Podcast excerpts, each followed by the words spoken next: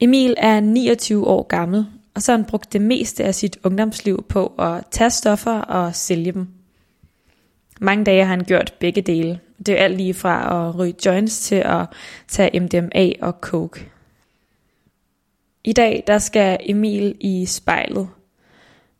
Og jeg er spændt på, hvilken side af ham selv han møder i dag.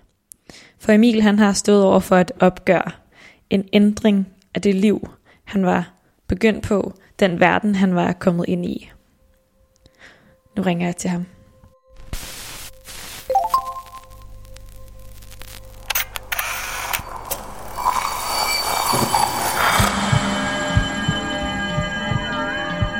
Vi ser os i spejlet hver dag.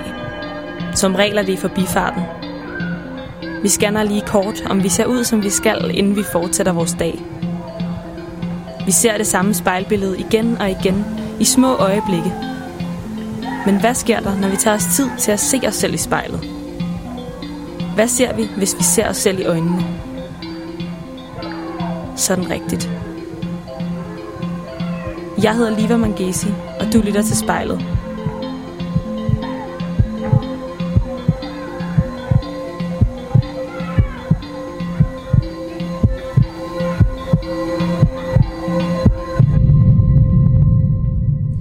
Det er Emil.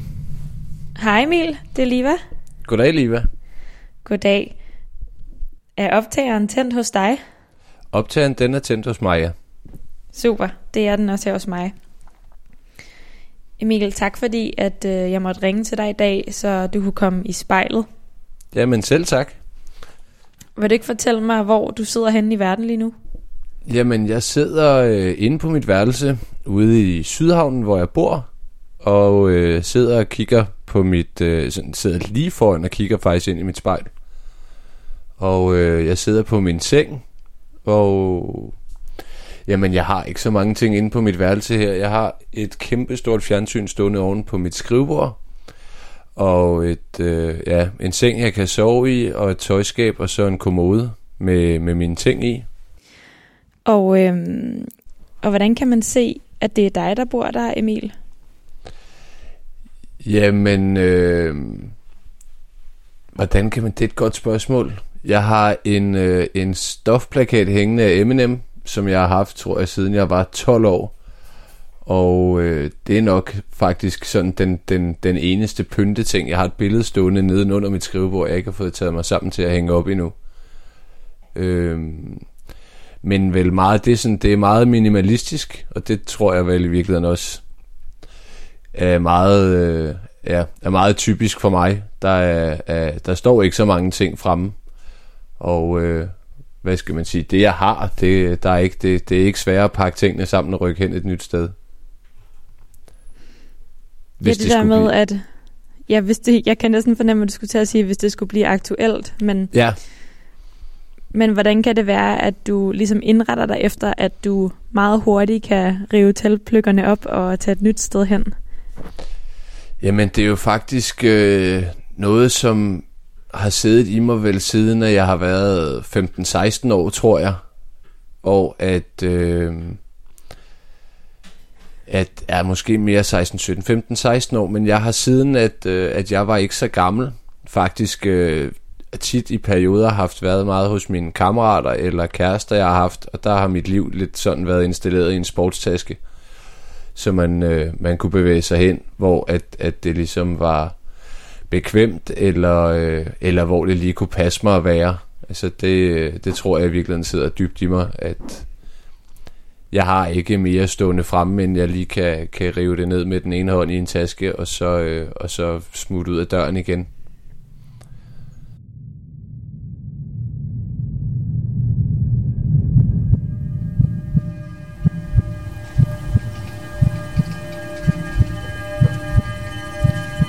Jeg sidder foran spejlet. Jeg hedder Emil. Samil, lige om lidt, der skal du i spejlet. Og jeg kunne godt tænke mig, at øh, vi lavede en aftale, som handler en lille smule om det der med den sportstaske. Nemlig at, mens du sidder og ser dig selv i spejlet, som du skal i, i en lille time, at du så bliver ved med at holde kontakten med dig selv. Også selvom du får lyst til at kigge væk eller forsvinde fra det. Altså, det skal, jeg skal slet ikke, øh, jeg skal slet ikke gøre mig for god til ikke at sige, at, at allerede det, du, du, du siger det, bliver det faktisk en, en lille smule angstprovokerende, men, øh, men jeg, vil godt, øh, det, jeg vil godt gå med til aftalen. Og holde kontakten med mig selv. Det er jeg glad for. Men inden det, så prøv lige at lukke øjnene en gang, og så tage en dyb vejrtrækning helt ned i maven. Hvordan har du det lige nu i kroppen? Jeg er meget afslappet og føler mig godt tilpas. Jeg er spændt øh, på en god måde, men ja, jeg er, er, er rolig i kroppen og slapper af. Og så prøv at tage en vejrtrækning mere. Og når du føler dig klar, så må du gerne åbne øjnene og se ind i spejlet. Det gør jeg nu. Hvis du tænker tilbage på den Emil, der første gang får lyst til at pakke en sportstaske, hvordan tager han så ud? Hvor gammel er han? Han er... Han er nok 10 år gammel, og øh, har, øh, har langt, langt lyst hår. Og en, øh, en, en stor hættetrøje på, og et, øh, et par joggingbukser og løbesko. Hvordan har han det?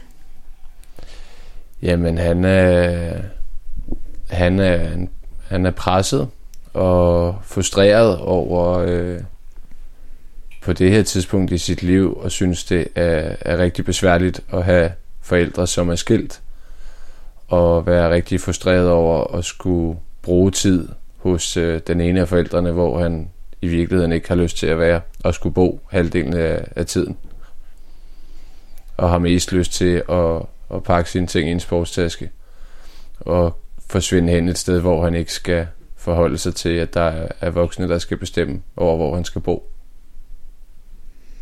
Hvad er det så, der langsomt begynder at ske med ham? Jamen, jeg tror, han accepterer, at det er ikke en beslutning, han er i stand til at tage som 10 år øh, gammel. Og øh, rigtig meget af den her trang til flugt den bliver vel, øh, den bliver vel undertrykt af det forventningspres, han, øh, han har opbygget ind i sig selv om, at det er rigtig vigtigt at gøre andre, trif, øh, andre glade, før at, øh, at man gør sig selv glad. Hvilke forventninger synes, synes du, at verden sådan har til ham? Jamen, øh, verden forventer, at, øh, at jeg altid er glad og verden forventer, at jeg klarer mig godt i skolen og laver mine lektier og er sød og ordentlig over for alle andre. Og verden forventer også rigtig meget, at jeg skal bruge mit gode hoved til at, at blive til noget stort.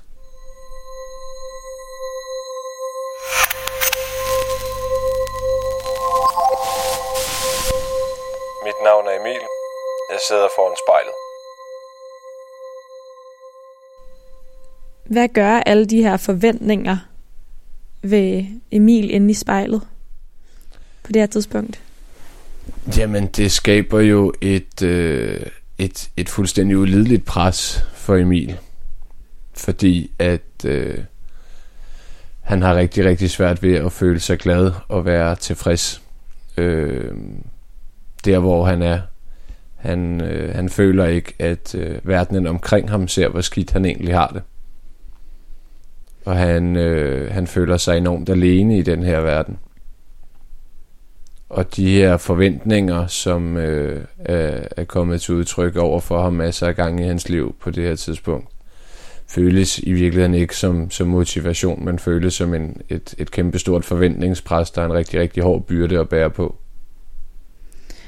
De her forventninger, hvordan, hvordan kommer de sådan helt konkret til udtryk? Jamen, de kommer til udtryk, når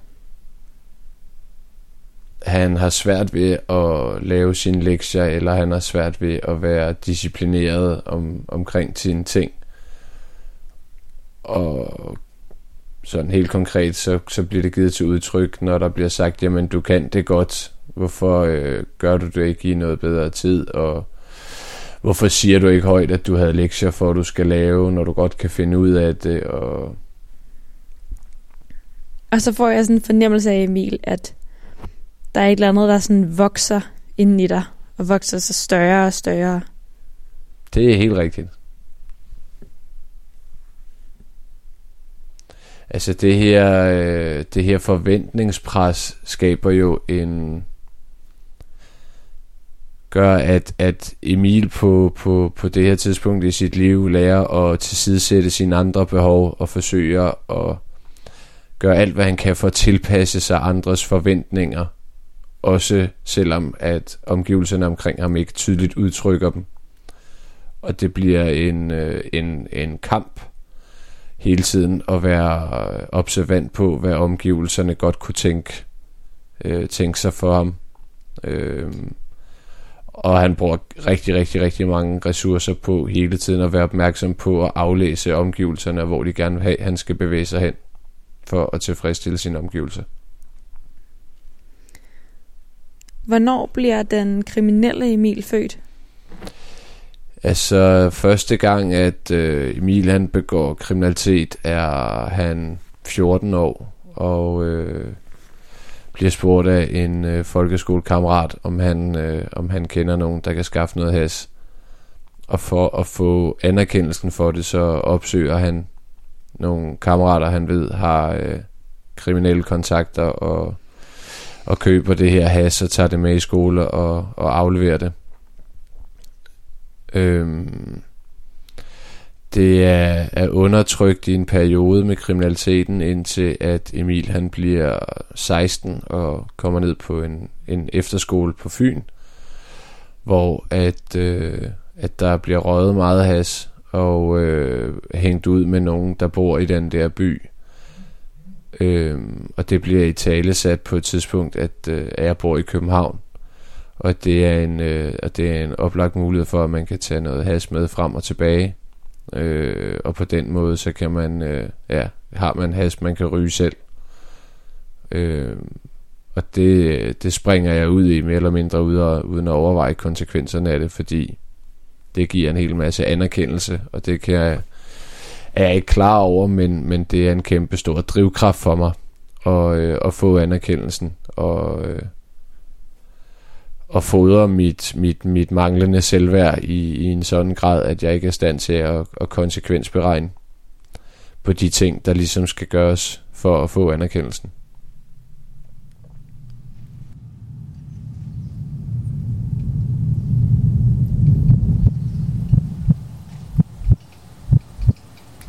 Lige nu sidder jeg i mit soveværelse, og jeg ser mig selv i spejlet.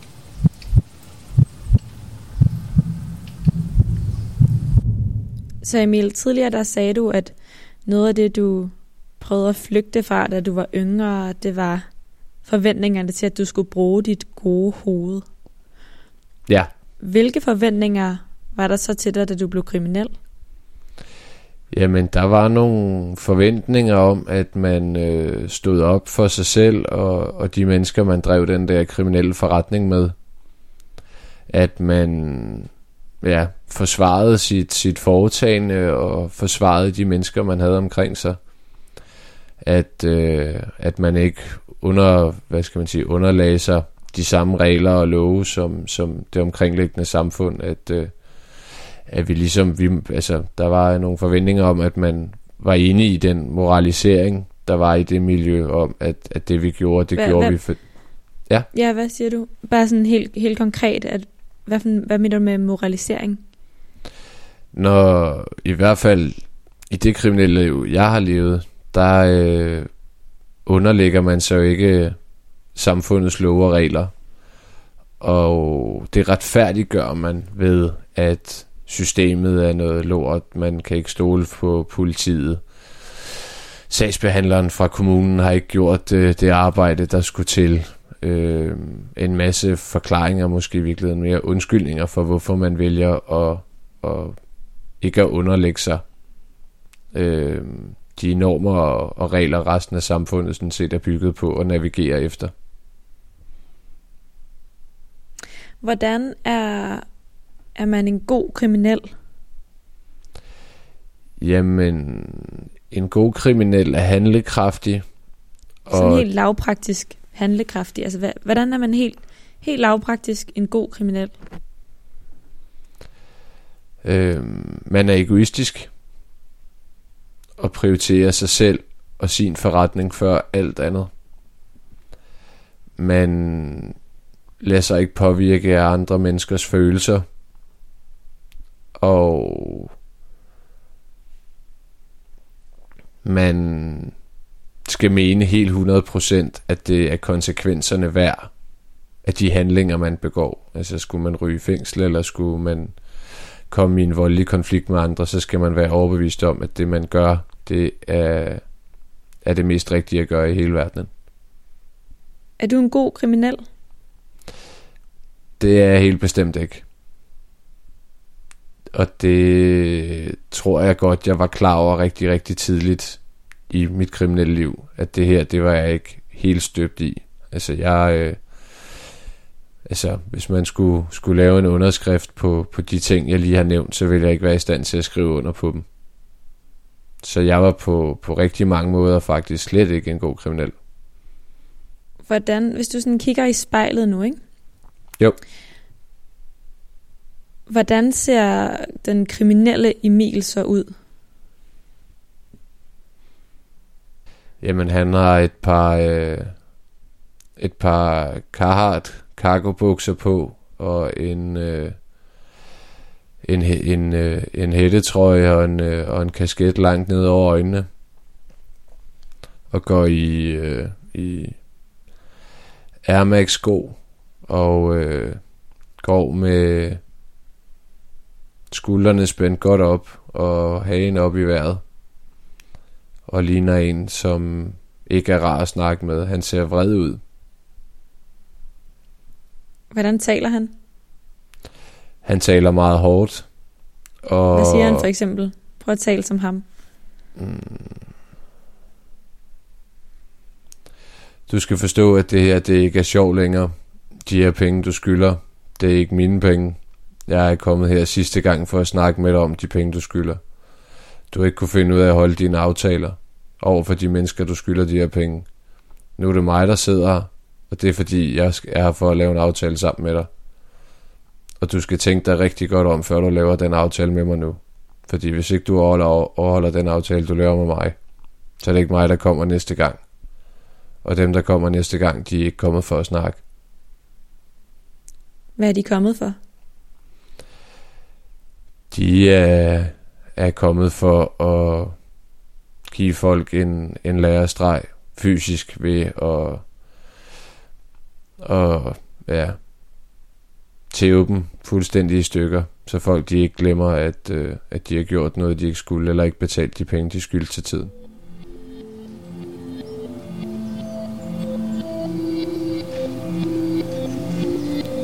Jeg hedder Emil. Jeg kigger mig selv i spejlet.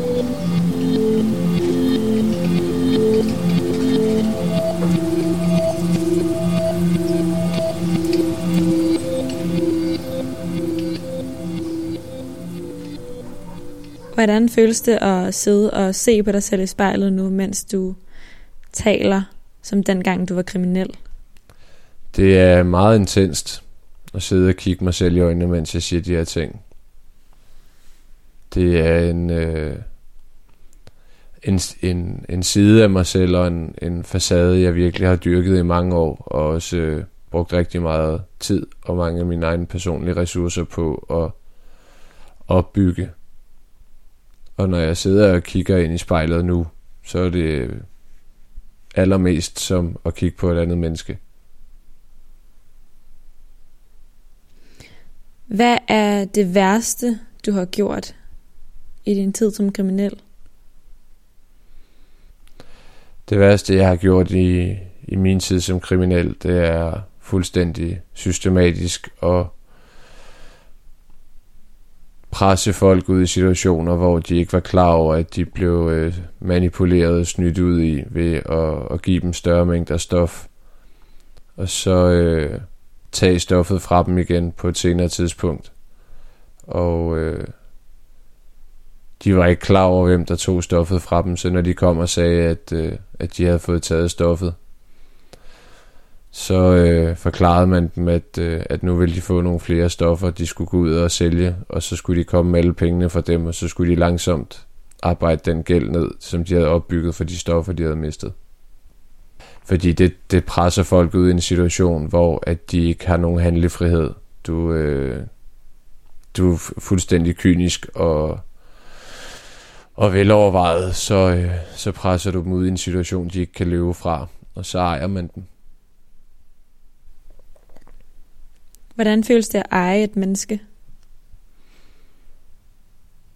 Det er en... Øh, altså det... Det er en meget speciel følelse af magt at have, når du ved, at øh, dit ord lige pludselig bliver lov over for et andet menneske.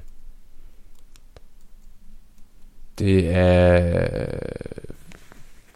ja, voldsom... Øh, ja, det er en voldsom følelse af magt og autoritet at have, når du ved, at det du siger, det skal folk bare rette sig ind efter, uden at de skal stille spørgsmål. Føles det godt? Det, øh, det føles godt på en, en måde, jeg faktisk ikke til sammenligning kan, kan finde noget andet, der føles lige så godt som. Den her følelse af magt. Hvis du sidder og, og kigger på dig selv i spejlet, hvorhen starter følelsen så? Jamen, følelsen den starter nede i maven. Og øh, giver en hel masse varme, der strømmer op igennem øh, brystet og, øh, og fortsætter hele op i hovedet og i nakken og ud i resten af kroppen. Hvad gør den ved dig, følelsen? Den, øh, den fjerner mit fokus fra alt andet, jeg føler. Og giver en, en form for bevidstløshed i resten af min, i min, resten af mit følelsesregister. Det er, det, det er den eneste følelse, jeg kan mærke. Men den der bevidstløshed, er det ikke den, du også har let efter? Jo, i rigtig høj grad. Så hvordan føles det, da du, da du havde prøvet at flygte hen i forskellige ting så lang tid, men så endelig fandt noget, hvor du bare kunne føle den her bevidstløshed, eller bare være i den? Det føles jo meget befriende, og, øh, og gav jo en, ja, en, en følelse, som var ukendt, men føltes øh, enormt behagelig. Altså den, øh, den gav mig i virkeligheden følelsen af, i, i det øjeblik, det stod på, af at være komplet.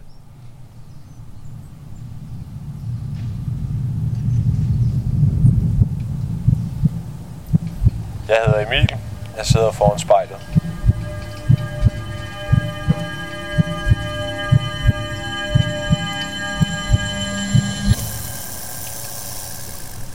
Emil, hvordan føles det at sidde og se dig selv i øjnene og tale om, hvor godt det føles at eje et andet menneske?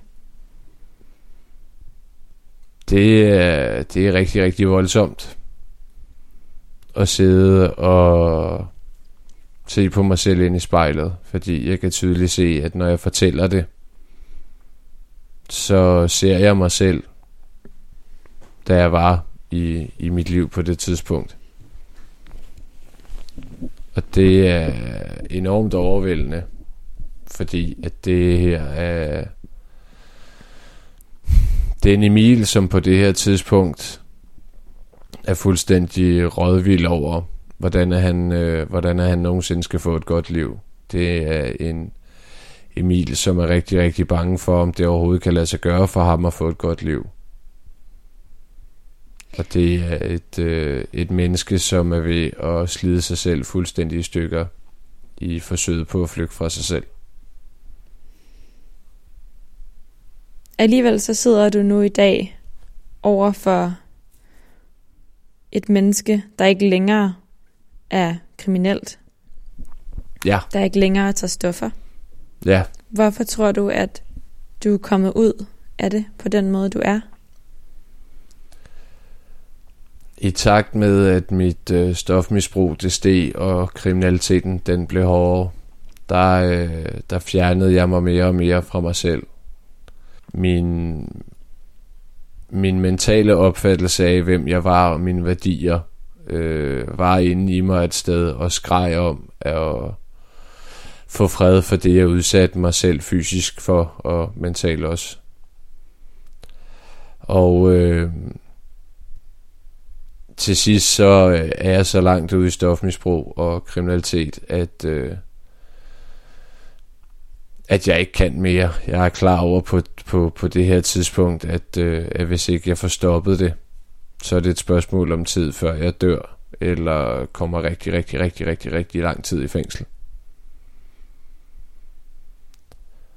Og øh, jeg gør mig et forsøg på at bryde med min, min kriminalitet og min stofmisbrug i en kort periode, men det lykkes ikke. Og da jeg har brugt rigtig mange år i mit liv på det, så det er det, jeg kender til. Så jeg genopstarter det og søger tilbage i det. Og der går meget, meget kort tid, før at jeg bliver, øh, før jeg bliver anholdt. Og øh, i forbindelse med, at jeg sidder varetægtsfængslet, kan jeg huske, at jeg står og kigger ud af vinduet på min fængselscelle, hvor at der løber børn rundt og leger i solskinsværet på en fodboldbane, og der står deres øh, fædre rundt omkring, mens de træner og klapper af dem og hæpper på dem.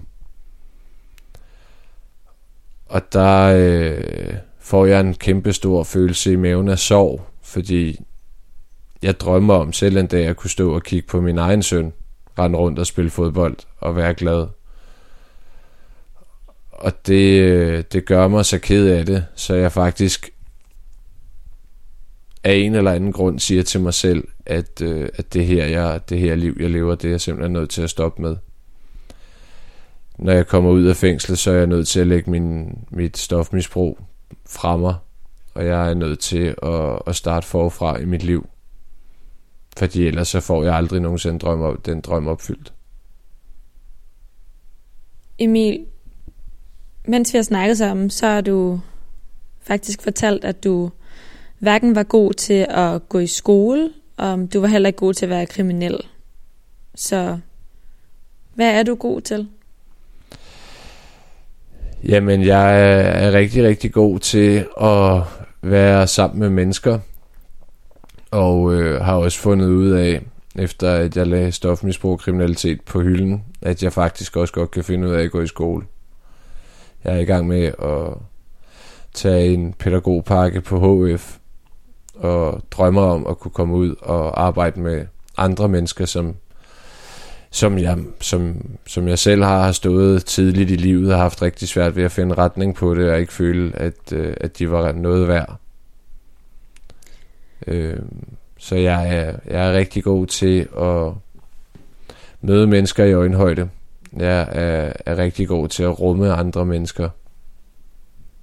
Er du også god til at rumme dig selv? Det er jeg ikke endnu, men jeg er blevet bedre til det, end jeg nogensinde har været før, og arbejder på daglig basis med at blive bedre til det. Hvordan har det været at sidde og se på dig selv i spejlet, Emil? Det var meget intenst. Enormt intenst. Og øh, det har også været meget udfordrende at skulle sidde og kigge mig selv i øjnene. Har du haft lyst til at flygte fra det? Masser af gange. Rigtig mange gange. Hvordan føles det, at du blev? Jamen det er også, øh, altså lige når du siger det, så er det også meget overvældende, at jeg, jeg har været i stand til at blive i det. Og ja, altså, men, men faktisk en, en, en stor personlig sejr for mig, at være blevet siddende, og have kigget mig selv i øjnene, fordi at jeg står ved den, jeg er. Tusind tak, fordi at du vil være med i spejlet i dag og holde fast, selvom det blev svært. Jamen selv tak.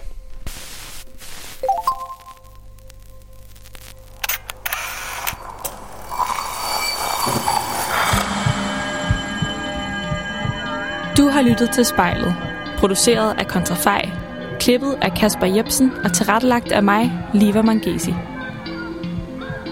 Hvis du har noget på hjerte, eller hvis du har en idé til, hvem der skal stå foran spejlet, så skriv til os på Instagram.